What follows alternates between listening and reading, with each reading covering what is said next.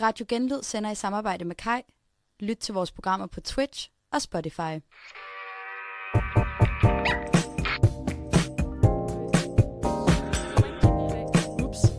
Det, er ikke fordi, det ikke er sket før.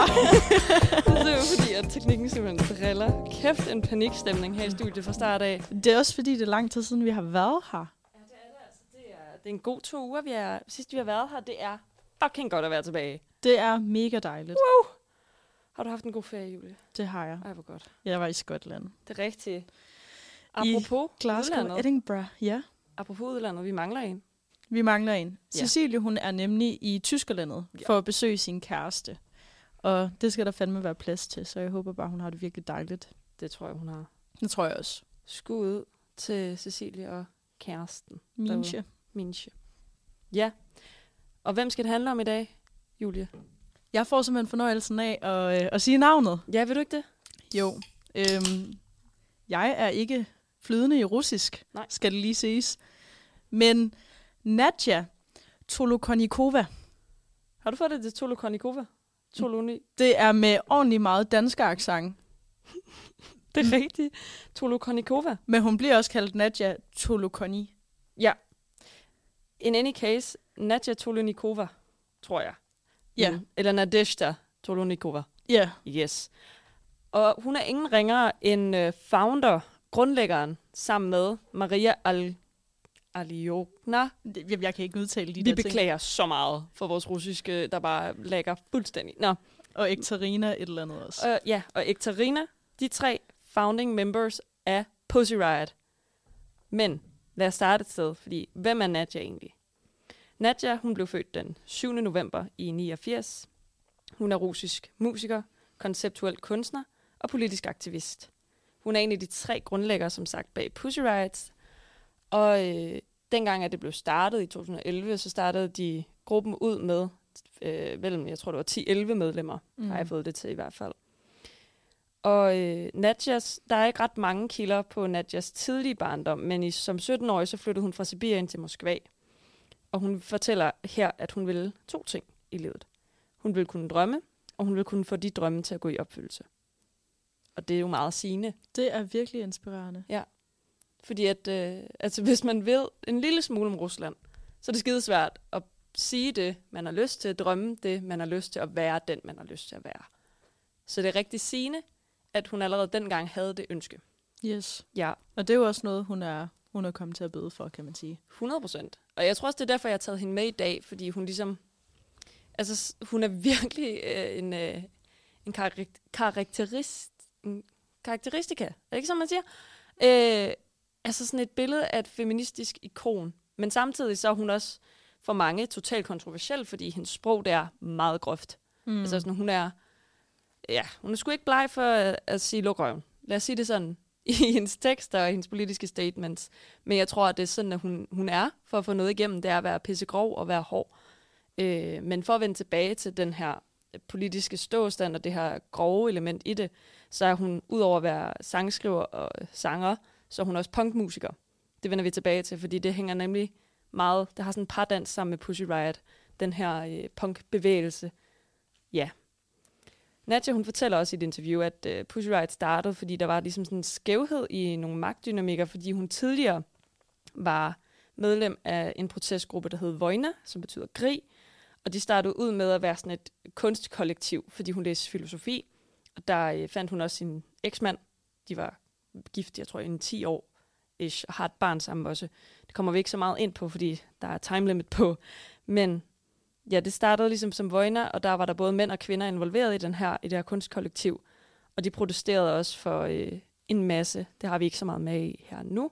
Fordi at Nadia, hun netop forlod sammen med nogle andre kvinder, den her, øh, det her oprørsgruppe, kunstgruppe, for at starte sit eget, nemlig Pussy Riot. Øh, Pussy Riot, det startede egentlig sådan, ja, som sagt, som kvindekollektiv. Kun kvinder, der var med, fordi der ligesom var den her, altså der var den her feministiske bevægelse, der ønskede også at have et ståsted og have noget at protestere over. Hvis I nogensinde har hørt om Pussy Riot, så er, de måske, så er I måske sådan, så tænker I på øh, neonfarvede balaclavas, mangefarvede leggings og knælange kjoler uden ærmer. Mm. Havde du hørt om Pussy Riot, inden vi gik i gang i dag? Ja, fordi altså, de har mere eller mindre altid været i min bevidsthed, tænker jeg. Men mm, altså nu har jeg meget sarte ører, og, og punkmusik er ikke noget for mig. Mm. Så jeg har ikke sådan hørt deres musik, men jeg har selvfølgelig godt været, været bevidst om deres budskaber. Ja. Og så kan jeg også huske, øhm, da vi var på Køn Museum, kan du huske øh, på tredje sal, Mm. mm. der var der en udstilling med dem, som vi lige kiggede på Det er rigtigt. under K7. Ja. Ja. Så jeg, jeg har altid været bevidst om dem. Ja. Hvornår lærte du dem at kende? Det var under annekteringen af Krim, halvøen, hvor jeg tror, jeg blev meget bevidst om også Nadja, øh, men især hende den anden, der hedder Maria Alik, Aliokno, Ali, sorry, Maria, som, øh, ja, de gik ud og protesterede imod det her. Også fordi, at jeg tror, jeg gik i folkeskole, dengang det skete, og jeg var virkelig forvirret, for jeg anede ikke, hvad fuck betyder annektering. Og så satte jeg mig ligesom ind i den her, altså Putins totale, totalitære magtstyre i Rusland, og hvordan det egentlig hang sammen, og blev mega interesseret i det. Og derfra så tror jeg også, at som jeg snakker om i tidligere afsnit, at jeg har virkelig altid været fas- fascineret af punk. Så jeg tror også, det fangede mig rigtig meget, at de netop var den her punkgruppe på en alternativ måde, i stedet for det her måske stigmatisering, stigmatiserende med øh, mohawk og læder og bælter og sådan noget, så var de nogenlunde det stik modsatte, og samtidig med var de aktivistiske og politiske. Det tror jeg, jeg blev meget draget af, og jeg tror, jeg blev endnu mere draget af det, efter at have set deres udstilling på Louisiana, Mm. og blev bare sådan blown away af alle de ting, som vi vestlige medier, og sådan, som vi ikke hører om. Alle de her ting, de har gjort, og alle de ting, de har været udsat for, som jeg ved er blevet dækket i medierne, men som jeg bare føler, det mangler endnu mere opmærksomhed. Fordi, hold da op. der Men du meget. så udstilling her i ferien, ikke? Ja. Ja. Men Det jeg, ja, jeg læste også godt, at, øh, at Maria havde været forbi Ja. til selve åbningen. Mm. Jamen, det var også hende, at, hende og så tre andre fra Pussy Riot fra Rusland. De havde alle sammen flygtet fra Rusland nu, og det kommer vi ind på senere, men vi kan lige så godt sige, som det er, at Rusland og deres magtliderlige leder Putin, han er fandme ikke glad for, at der er nogen, der siger noget ham imod i forhold til hans styre, og den måde, han fører politik på. Derfor så er de blevet øh, anmærket som, øh, jeg tror endda nazister også, men sådan, jeg tror, det var Jamen, det er hans yndlingsord at bruge. Hans yndlingsord. Det var efter annekteringen i, i Krim, så indførte han en lov, hvor han ligesom kunne øh, hakke ned på udenlandske organisationer samt de her aktivister og kalde dem for fremmede agenter, eller nynazister eller ekstremister. Og så vil de indgå ind under en eller anden juridisk paragraf, og så vil man faktisk kunne retsforfølge dem, baseret på, at de blev vurderet som hemmelige agenter eller fjerne agenter. Og det var også derfor, at de netop blev altså, varetægtsfængslet i, Ja. ja. altså, under hele deres retssag.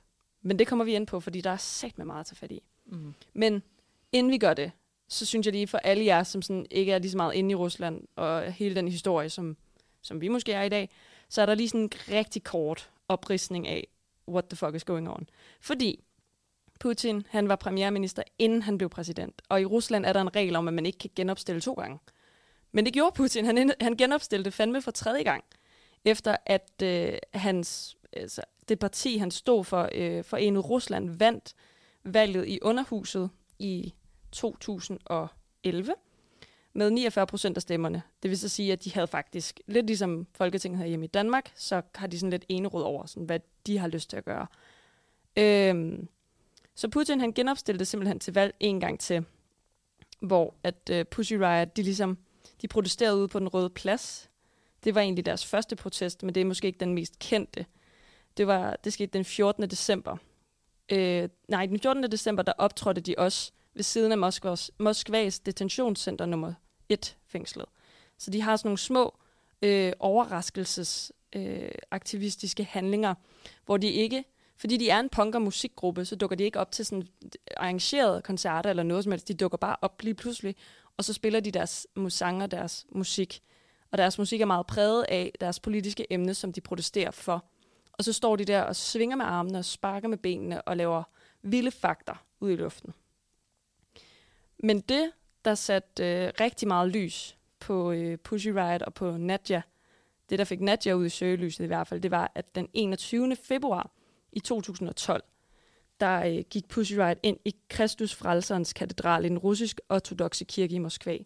Og for lige kort at opsummere øh, at den russisk-ortodoxe kirke i Moskva, den blev nedlagt i 1930'erne på grund af det kommunistiske styre, der ligesom overtog. Øh, og først i start nullerne blev det genoptaget igen for at være en kirke, og hvor at man ligesom indførte de her gamle traditioner og religion igen i et demokratisk styre som Rusland. Og Putin har simpelthen brugt den russiske ortodoxe kirke i, altså sådan, ja, til sin fordel. For han har givet dem alt deres kirkegods tilbage. Det vil sige, at kirken i Rusland faktisk er en af de mest magtfulde institutioner i Rusland. Og kirken har også omtalt Putin som et mirakel sendt fra Gud. Så allerede der, der er der sådan et forhold, der... Det er jo helt væk. Det er helt væk. Øhm, ja, det er simpelthen sket. Men Pussy Riot indtager simpelthen kirken i Moskva her. Der var ikke nogen gudstjeneste på det her tidspunkt, og der var kun få mennesker i katedralen. Pussy Riot bestående af fem medlemmer, herunder Nadja, Maria og... Åh, der var en tredje. Alec, Alec Katrina, der var den.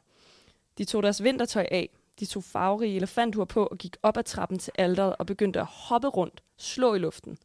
Og efter mindre end et minut, så blev de eskorteret ud af bygningen af vagter. Sent sangen kaldte de Punk Prayer, Mother of God, Drive Putin Away. Det er det, de synger. Og i sangen, som vi skal høre lige om lidt, der hensyder de til de tætte bånd mellem kirken og KGB, eller Kreml egentlig. De hensyder til de tætte bånd, og øh, de kritiserede ligesom mange russers underdanighed over for kirken. Altså de kaldte dem simpelthen sovnebørn, der kravler og bukker. Det går nok på russisk, så det er direkte oversat. Og de angreb kirkens traditionalistiske syn på kvinder, citat igen russisk, for ikke at fornærme hans helhed skal kvinde elske og føde børn. Og det her, det er simpelthen starten på en af de mest medieomtalte, korrupte retssager mod tre kvinder fra protesten, herunder Nadia. Og nu vil jeg lige prøve at se, om jeg kan finde sangen her. Og så vil jeg sætte den på. Jeg skal lige advare, det er hård punk, og så lidt blandet med lidt kristelighed indenover. Jeg vil anbefale jer alle sammen at gå ind og finde videoen, fordi der er masser af gode billeder til det her. Altså, det er en synsoplevelse også. Så er det rigtig meget. Ja. Men den får I her. Og vi vender lige tilbage, fordi den fortsætter lidt sådan her, så vi tænkte lige at slutte den her på en god note.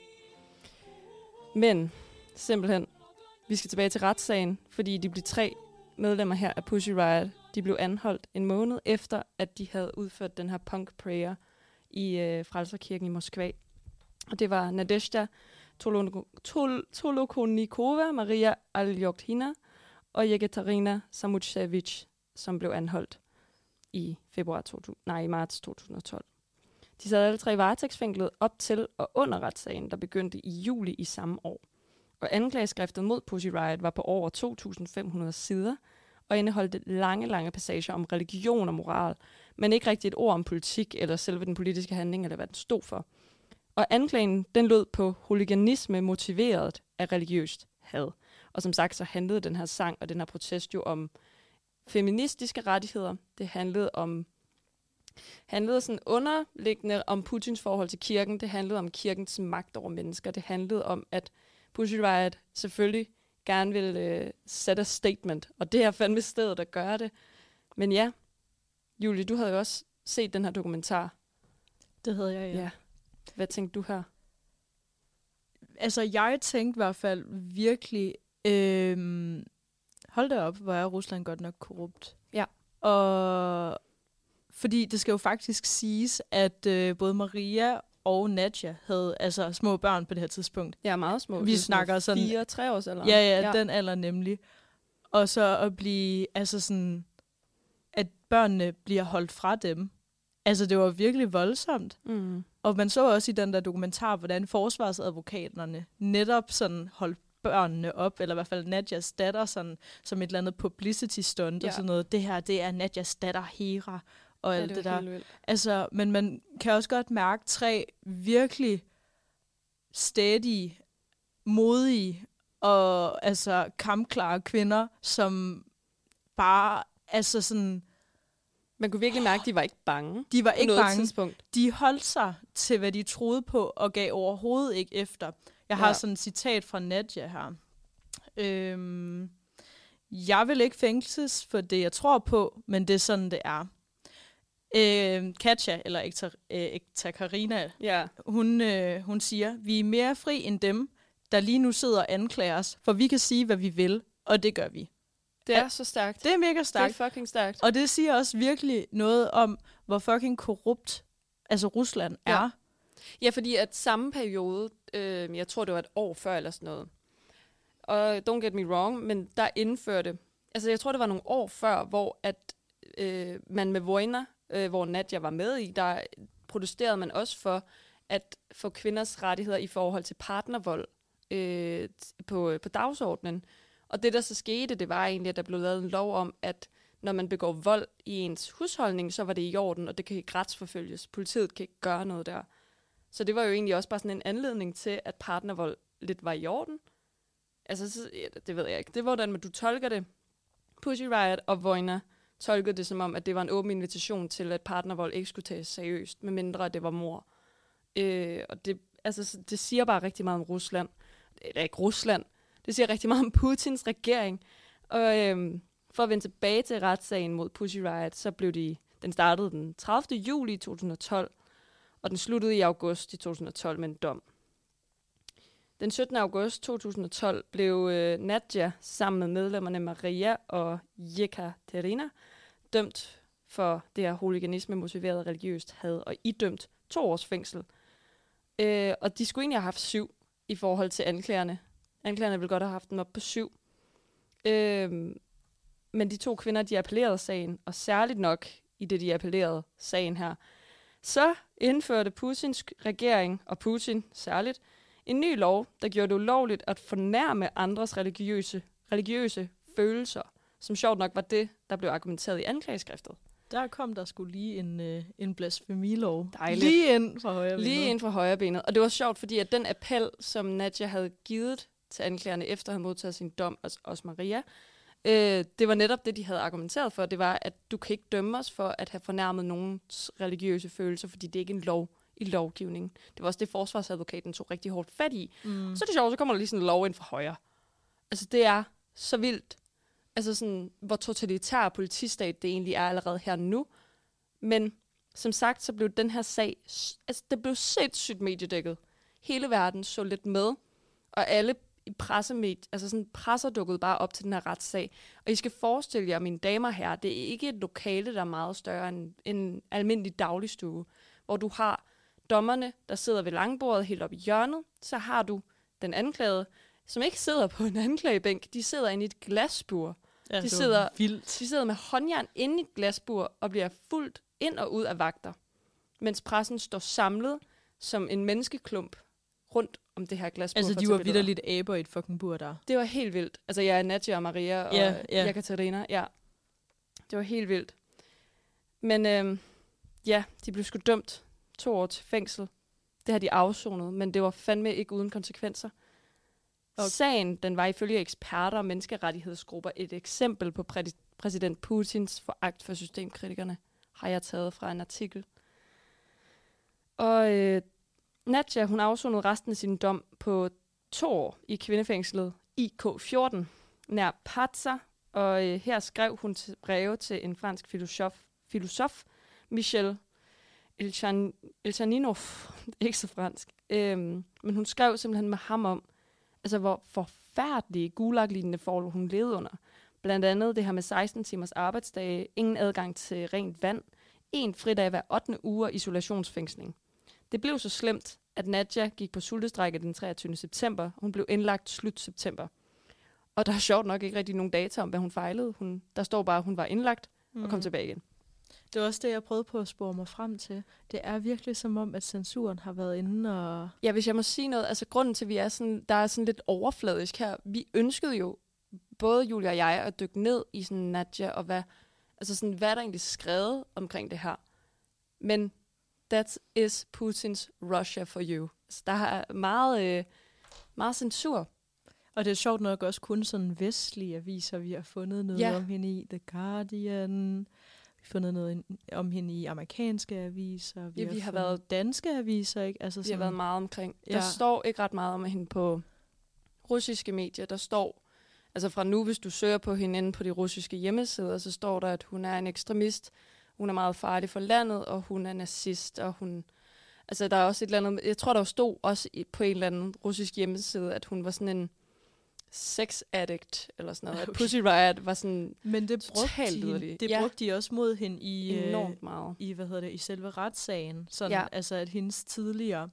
Øhm, Ja, det kunstværk, hun lavede med Ja. Vojner. ja, ja øh, hvor det var, at de øh, deltog i seksuelle akter inde på et Ja. øh, biologimuseum, Det eller var- sådan et naturhistorisk museum, ja. Det var nemlig sådan, at Dmitri med Mel- Meldov, altså det her russiske, det kan jeg ikke. Dmitri, som var præsident og premierminister Putin, de indførte en kampagne, der hed, at man skulle formere sig. Man skulle få flere børn. Fuck for the air puppy bear. Ja. Så den her Vojna-gruppe, de gik ligesom ind på det her biolog, biologisk øh, historiske museum og knaldede, altså for alle to sige. Mm. Blandt andet Nadja og hendes tidligere mand, øh, Piotr, tror jeg han hedder. Ja. Piotr. Ja, Og hun var højgravid på det her tidspunkt, og anklagerne gik simpelthen på, at hun var med i noget så, man siger vel obscene på engelsk, hvad siger Jo. man? Altså noget så vulgært. Øhm, perverst. Perverst, ja. ja. Øhm, ja, altså i, den, i det stadie. Det er helt vildt. Og det blev brugt mod hende i retssagen. Men jeg synes også, det er vildt at knalde på et, øh, et historisk museum. Det blev jo også... Jeg jeg synes, det er vildt. Jeg synes, det er ikke fordi, jeg synes, at det, det er forkert, det hun har gjort. Det skulle hun da bare gøre. Jeg synes, det er vildt. Jeg synes bare, det var akavet, det hendes far sagde efterfølgende om det. Ja. jeg, var, jeg sad også tilbage med sådan en, oh, oh, I could never. Men, Ja, øh, men han sagde, at han ikke selv havde lyst til at se det, men hvis der havde været en hver anden russisk pige, ja ja, fedt, han forstod det godt og sådan noget. Uh. Ja, Ja. Jeg tror, jeg hørte også, at jeg, hun talte om i et interview det her med, at kvindens rolle i forhold til nullerne og under Putins regime, det handler om at være den her underdanige kvinde. Det handler om at være den her... Altså, det altså, det er totalt kvindeundertrykkende på en eller anden... Altså, også på en eller anden måde, men det er det, fordi det handler om, at kvinder ikke må... For det første må de ikke gå op til alderet i den her Moskva-kirke. Det må de ald- absolut ikke i forhold til religion.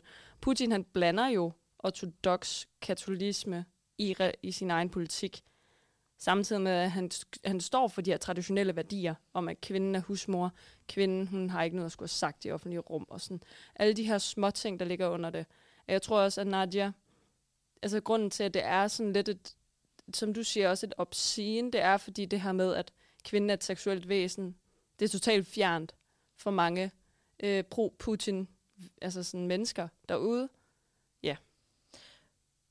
men jeg lagde også mærke til, sådan, jeg ved ikke, om jeg husker rigtigt nu, men de blev jo også spurgt om deres sådan, civilstatus. Ja. Altså sådan, er du gift? Har du Ja, børn? Ja, Alle gjorde de. sammen. Ja. Og det var Nadja og Maria, men øh, Katja, som hun bliver kaldt til kælenavn, Mm. hun, øh, hun er hverken gift eller havde børn. Ja, Og der sagde hun også det der med, sådan, at hun ønskede andre ting for sig selv. Ja. Fordi der var en forventning om, at man som russisk pige skulle giftes, man skulle have børn. Lige for en detalje. De var jo fem, der stod op bag alderet. De tre af dem blev anholdt. To af dem nåede at flygte fra Rusland. Altså, de flygtede ud af landet. Katja, hun fik, hvad Hun- var det, en måned eller sådan noget? Ja, altså hun fik appel, så Ja. ja. hun endte med slet ikke at skulle i fængsel eller i øh, jo, øh, hvad hedder det, arbejdslejr overhovedet. Nej. Fordi at hun ikke havde gjort noget. Hun havde kun pakket sin guitar frem. Ja. Og så havde hun ja, altså bare stået der med den. Hun havde ikke noget at gøre noget, fordi hun blev, en, hun blev pågrebet først. Det var sådan et dårligt argument. Det var sådan noget med, sådan, ah, så hun lige nået at pakke den op 15 sekunder, og så ned igen. Ja, Mens de to andre, altså Nadia og Maria, de nåede at stå der i et minut, tror jeg. ja. øh, op ved alderet. For at vende tilbage til deres dom. Øh, de begge, altså begge, Maria og Nadia, specielt Nadia, havde det forfærdeligt. Der er vist også skrevet en bog, øh, som blev udgivet øh, af ham her, Michel Elchaninov. Øh, og den har jeg simpelthen ikke lige skrevet ned lige nu. Men den er derude, hvor det er nemlig breve fra hende og en anden fange omkring det her med at være fange derinde. Det var også det, der kickstartede, at Nadia, hun ændrede også aktivistisk tilgang til fængselsrevolutioner Mm. og øh, bedre vilkår for fanger i fængslet. Men det er også fordi, hun netop har beskrevet, at det var altså sådan noget gulag-lejr-agtigt Ja, noget, at de absolut. netop stadig... Absolut. Øhm, jeg har faktisk noget her, hun havde sagt, ja, omkring de her breve her, Uh, her letters on the conditions of the women in the penal colony asserts that the women have no rights, that the prisoners must work 16 to 17 hours and sleep 3 to 4 hours a day, and that they have a day off every eighth week. Ja. Altså, også- det er jo Det er jo, det er jo brud forfærdeligt. på menneskerettigheder. Meget. Øh, og det var også det, sådan Amnesty og nogle af de her øh, menneskerettighedsbevægelser, de bed sig fast ved. Og apropos Amnesty, fordi at i 2014, der blev der afholdt vinter i Rusland i februar. I december 2013, der lavede Putin et propagandastunt øh, i form af at give amnesti til politiske fanger og huliganistiske fanger. Og ja, deriblandt faktisk Nadia. Det var en masse fanger, som var fanget på grund af modstridende politiske hensyn af hensyn til amnesti og menneskerettighedserklæringerne, fordi han netop skulle altså lede et land, der skulle hoste OL i 2014. Han ville ikke have bad rep. For Putin er PR alt. Ja. Øh, ja. Ej, det er bare så korrupt, som noget overhovedet kan være. Har du, altså sådan, i den her tid, der var der også en masse medier, der skrev kritisk om Putin. Mm. Det regeringen så gjorde, det var, at de gik ind og øh, gjorde dem... Altså sådan, det danske term er, er egentlig, at de lagde dem under konkurs. Mm. eller de vil undersøge nogle skatte, øh, ja, noget skattesvindel, eller sådan noget hos de her medier. Da medierne så blev lukket op igen, så var det ikke de samme journalister, der dukkede op igen på mediegangene. Det var ikke de samme historier, der kom.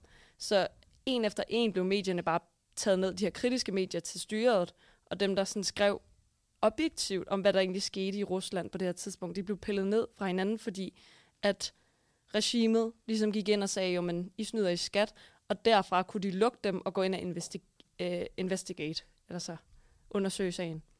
Men så var det sjovt nok ikke de samme journalister, der dukkede op. Det synes jeg er forfærdeligt. Og sådan, jeg tror, siden 2000, er der fra 2013 til 2020, hvis nok, hvis jeg læser estimatet rigtigt, er der 16 journalister, der bare er forsvundet fra Sporløst. Rusland. Og det er ikke russere, der er forsvundet, det er internationale journalister, der bare er forsvundet sporløst. Et eller andet sted ude i verden. Fuck, hvor er det vildt. Men de bliver løsladt den 23. december 2013. Det er nogle måneder før, de egentlig skulle have været løsladt. Og øh, efterfølgende i februar 2014 i byen Sochi, hvor at vinterolympiaden tog sted, så skrev Nadia det her på Twitter. Kusaber, Kusakker angreb Pussy Riot ved et Sochi 2014-banner, slog os med piske og sprøjtede tårgas på os, mens vi sang sangen Putin will teach you to love the motherland. Og det skrev hun, fordi at Pussy Riot, hun var fandme frisk. Hun var ude af, hun var ude af fjerne. Hun var klar på at protestere en gang til. Men det er også vildt, hvordan det er, at man tør det. Altså, jeg kan huske, at vi lærte om ham der, den hemmelige agent, øh, der blev forgiftet med et radioaktivt stof i London. Mm. Ham, øh, ekspion. Ja. Jeg kan ikke huske navnet på ham lige nu. Men ja, jeg kan godt huske øh, sagen. Og hvis man så fast forwarder til 2020, jeg ved godt, det er flere år efter, men Navalny, Jeg tror Putin, for Putin, så betyder det rigtig meget, at han ikke slår de her mennesker ihjel. Fordi det vil faktisk underminere... Altså sådan, han prøver også at blive set som sådan et, et, et empatisk menneske. Et menneske, som... Øh, altså fordi, overvej lige, lige nu foregår der en krig i Ukraine, hvor at Putin gentagende gange siger, at mødrenes sønner skal nok komme hjem fra Ukraine, når de ikke gør det. De er blevet slået ihjel på slagmarken i Putins totalt magtliderlige forsøg på at invadere Ukraine lige nu. De her sønner kommer ikke hjem. Putin lyver over for de her mødre. Og vi er på vej ind i en revolution, hvor mødrenes, altså det er Mother Russia-revolutionen, der er på vej. mm. Og vi kan også se tilbage på, at Putin gentagende gange ikke har slået de her politiske fanger ihjel. Grundet PR, grundet øh, hans empati, at han er hengivende, selvom han har bedt medierne om at skrive, at de her mennesker, han har faret af vejen, de var nazister, de var onde, de var pædofile, de var liderlige, og de ville ødelægge Rusland indenfra. Det er jo hans retorik til russerne derude. Og så kan man så sige, jo, men altså sådan, what up, altså kunne de ikke læse andre medier? Nej, for staten gik ind og vidderligt blokerede medier. Det er jo, det er jo et diktator, ikke diktator, det er diktatur lige nu. Men også de der to eksempler, jeg lige nævnte med ham der, han hedder Alexander et eller andet, og så Navalny, det var jo også i udlandet, de blev forgiftet. Det var det. Eller det var ikke et udland, Alex, Alexei Navalny blev... Var det ikke det? Nej, Men han han, var på vej kom, han var på vej fra Moskva til et andet sted i Rusland. ja, og så i blev han fly. indlagt på Charité i Ja. Berlin. Men det var først efter, at hans kone ligesom gentagende gange ville have ham flyttet, og så var Putin ude og lave et mediestunt mere, der var sådan, jeg er hengivende, jeg skal nok lade ham, det skal han da bare gøre, vi er et frit, demokratisk land, han skal mm. da bare have healthcare, hvor han har lyst til. Det, det er mediestunts, det hele, det er ikke fordi, altså selvfølgelig vil Putin gerne slå dem ihjel, det, det er jeg ikke i tvivl om. Det er en holdning, jeg har. Jeg er ikke i tvivl om, han ønsker dem døde alle sammen. Problemet er bare, at vi lever i et samfund, hvor at nu at alt er mediedækket. Hvis Putin går ud og begynder at ja, gøre det, han gør bedst, at altså, undergrave og slå ihjel, altså hvis han bliver ved med at gentagende gange at gøre det mod politiske oppositionsledere eller oppositioner, så ender han med en revolution lige nu. Fordi det kan han ikke gøre i forhold til de, altså de omstændigheder, han er i lige nu. Men for at vende tilbage til Nadia, fordi det skal handle om Nadia. Der blev hendes øh, og Pussy Riots øh, protest i Sochi ude foran øh, OL-byen. Den blev simpelthen slået ned, og de blev slået ned hårdt af politiet. De fik pisk, tårgas og det hele. Øh, og de var faktisk i gang med at lave en musikvideo. Og efterfølgende, så blev nogle af medlemmerne, inklusive Nadia, arresteret af politiet, fordi at de, politiet mente, at de havde stjålet en håndtaske fra et hotel hvor de blev tilbageholdt i syv timer, før de var løsladt. Og det var faktisk i de syv timer, og så efterfølgende, efterfølgende de syv timer, der var olympiaden i slut for den dag. Øh, der står ikke rigtig meget om, hvordan, altså, hvilke følelser Nadia ligger inde med, men sådan, ja, hun stopper ikke sin kamp, siger hun egentlig i, i interviews, når hun nævner sagen lidt hurtigt. Øhm, og i december 2014, der modtager Nadia Tolonikova og Maria øh, Aljo Aljokina. Øh, han er Arnsprisen for deres arbejde som aktivister og deres intervention mod uretfærdighed i det russiske samfund. Øh, det var i samme år, de modtager den her. Og øh, nu skal vi høre en ny sang, og den anden sang er Pussy Riot. Den hedder Putin Will Teach You How to Love. Og øh, ja, sangen tager ligesom udgangspunkt i sådan, at ja, at Putin egentlig vil gøre dig under dagen i. Og det er det er en sang, der på mange måder bare minder lidt om den, vi har tidligere hørt, men på det eleviterede niveau, fordi at der ligesom har været det her OL i, øh, ja, i Sochi. Men i lytter bare med, og der kommer lidt mere punk til jer. Super umusikalsk. Nej, lad det være. okay, for nogen er det måske bare larm, og måske, øh, ja, også for dig, Julia, det er ja. bare ikke ligesom... Øh, det jeg køber deres budskaber. Tak. Det gør jeg også. Jeg, jeg synes også, at det, altså, det giver sgu da noget energi at høre sådan noget. Det ved jeg ikke. Det, jeg, jeg kan virkelig mærke, at de mener det. Jeg tror, jeg skal prøve at løbe til det. Ja. ja. Fair. Men øh, det er sjovt, fordi i 2014, samme år som de lavede den her sang, og øh, Nadia og Maria, de vandt Hanna Arendt-prisen, der annekterede Rusland Krimhaløen. Og det var herefter, at Ruslands retssystem begyndte at, altså, det, det begyndte at bune med de her termer, fjendtlig agent eller nazist imod alle de mennesker, der udfordrede øh, ja, Putins styre. To sekunder. Sådan. Så er vi tilbage. Øhm, ja. Her er Pussy Riots medlemmer Hørn og Nadia også under det term. Øh, og så har jeg skrevet, at Rusland egentlig gør, hvad der passer dem. Altså, som vi har snakket om, den her korruption, og den her med, at, at Putin vidderligt indsætter lov og indsætter termer omkring politisk opposition. Øh, ja, for ligesom at, at undergrave de her mennesker og kalder dem for hemmelige agenter, foreign agents, som det egentlig hedder på engelsk, og nazister. Og det var også det, de kaldte ukrainerne på Krimhaløen for nazister, og det er derfor, de skulle bekæmpe dem. Så det er hele den her PR og den her medie, eller det her mediestunt, som Putin kører, som ligesom hjælper ham i hans færd mod magt. Og så vil jeg gerne lige understrege, jeg har lagt et link ud på vores Instagram. Kender du ikke hende? Inde på Instagram. I vores story, der ligger der et link, hvor I kan gå ind på Louisianas. Det er sådan en tidslinje over alle aktiviteter og protester, som Pussy Riot har lavet, og jeg vil anbefale enhver om bare lige at gå ind og se det, fordi der er billeder til. Så det er ikke en lang kedelig smør, der er simpelthen billeder til. Og hvis I har tiden og er i Louisiana, så tag forbi, se udstillingen, fordi der er så meget mere til forhold til det. Der er, I det, du træder ind i rummet, så er der en, øh, en video, der er fra 21, tror jeg, med en af de her aktivister fra Pussy Riot, som pisser på et maleri af Putin. Hun står og skværs, drikker et helt glas vand, og så begynder hun bare at pisse og skide på det her billede af Putin. Og det er helt vildt. Det, det, det er det første, du bliver mødt af, og så tager det bare fart derfra. Så jeg vil anbefale jer alle sammen til at gå ind på det her link. Det er et pissefedt billede. det er så fedt. Ind og kig på det her overblik af demonstrationer, fordi vi har desværre ikke tiden til at gå dem alle sammen igennem i dag. Og det har vi ikke rigtig taget med, også fordi at Nadia, hun øh, i den her tid efterfølgende fra 2014, hvor hun vandt Hanna Arens pris, vandt flere forskellige priser, og hun skrev også i 2016 en selvbiografi, der hedder How to Start a Revolution. Og ja, derefter så tager det bare fart. Hun øh, turnerer rundt. Lidt med Maria også i starten. Øh, I hvert fald mellem 2015 og 17. Ej, 2015 og 16 tror jeg. På musikturné. Øh, hun har blandt andet også været på Roskilde Festival i 2019. Der var det bare Nadia. Øh, og været på Smukfest, tror jeg også i 2020. Hun har i hvert fald også været på Folkemødet. Og hun har besøgt Danmark et par gange. Så det er den danske vinkel på det.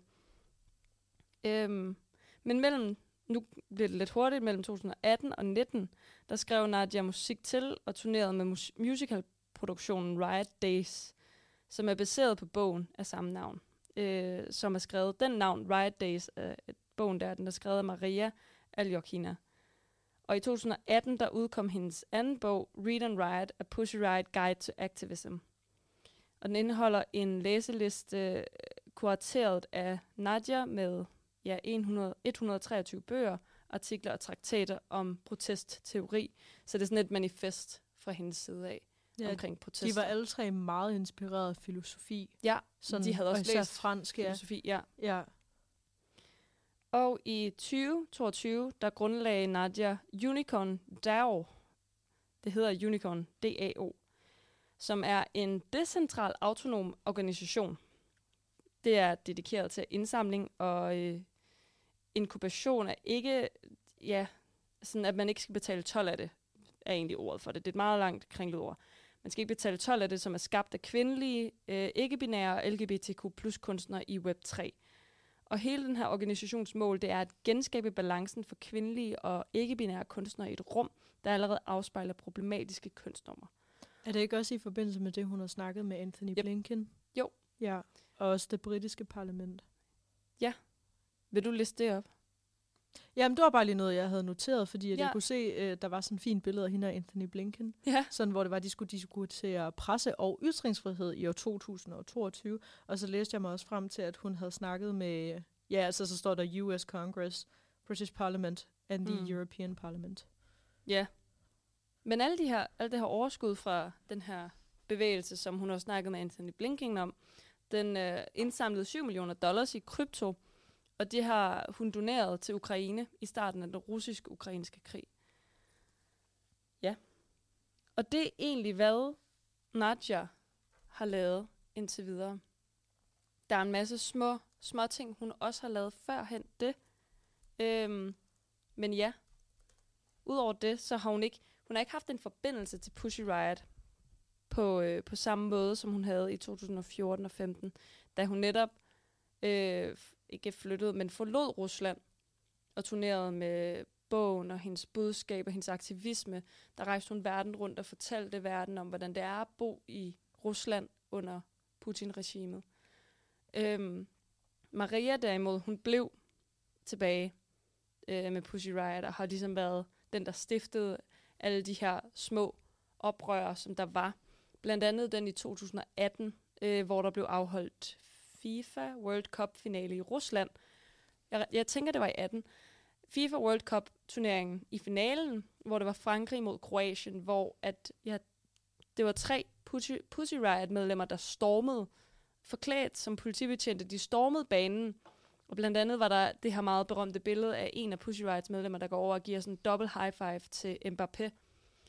Og det gjorde de for netop at øhm, gøre opmærksom på politivold og det her politi, altså sådan politiunderdanighed under Putin. Øh, ja, og det, det var Maria, der også stod for det.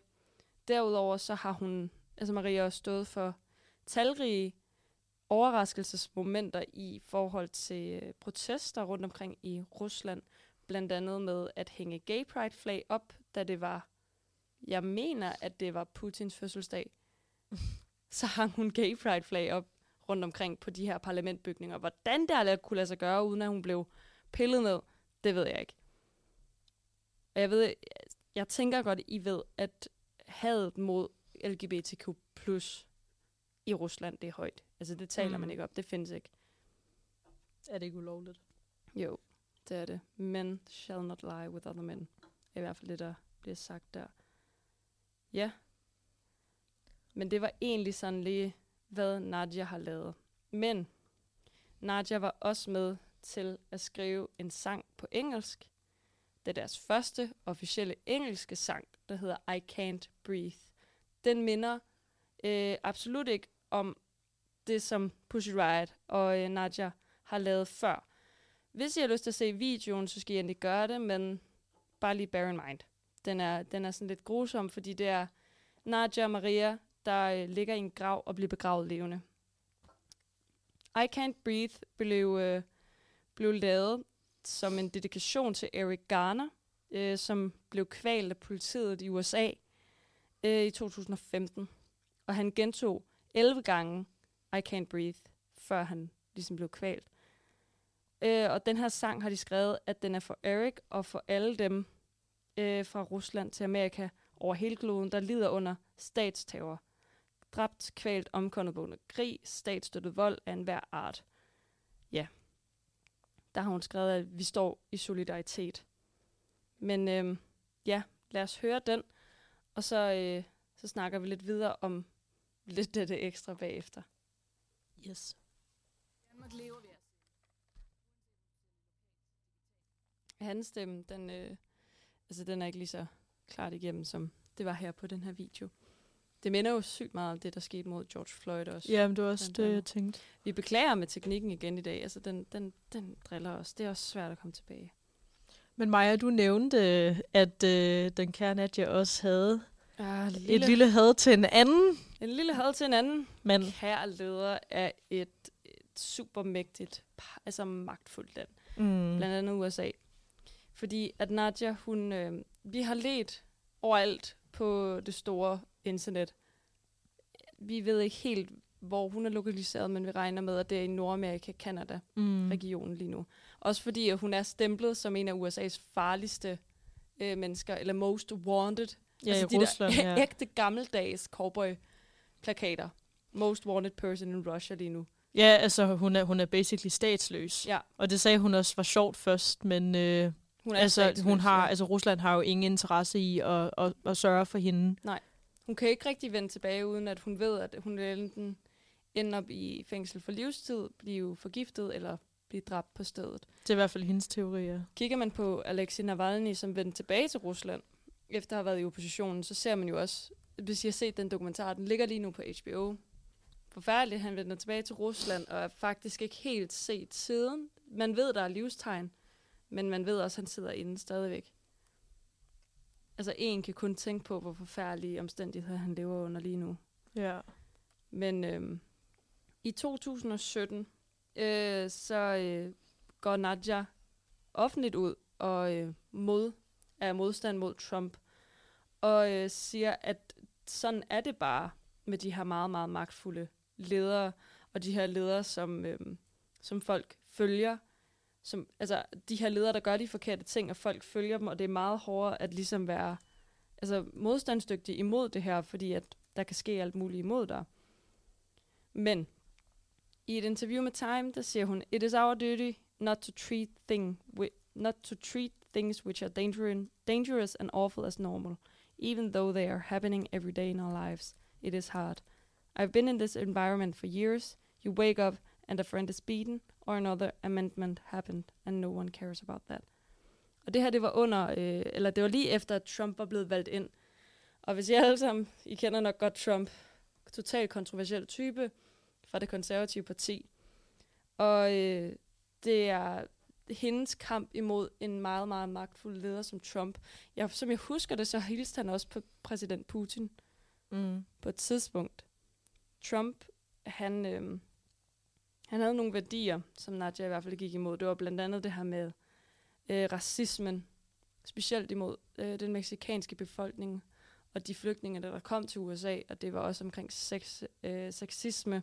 Ja, altså han scrapped them by the pussy. Og... Blandt andet og hans generelle sexisme. Jeg tror også, at han indførte, han er også meget imod hele LGBTQ plus bevægelsen. Mm. Ja. Øhm, så det har hun stået for, hun har også gået imod.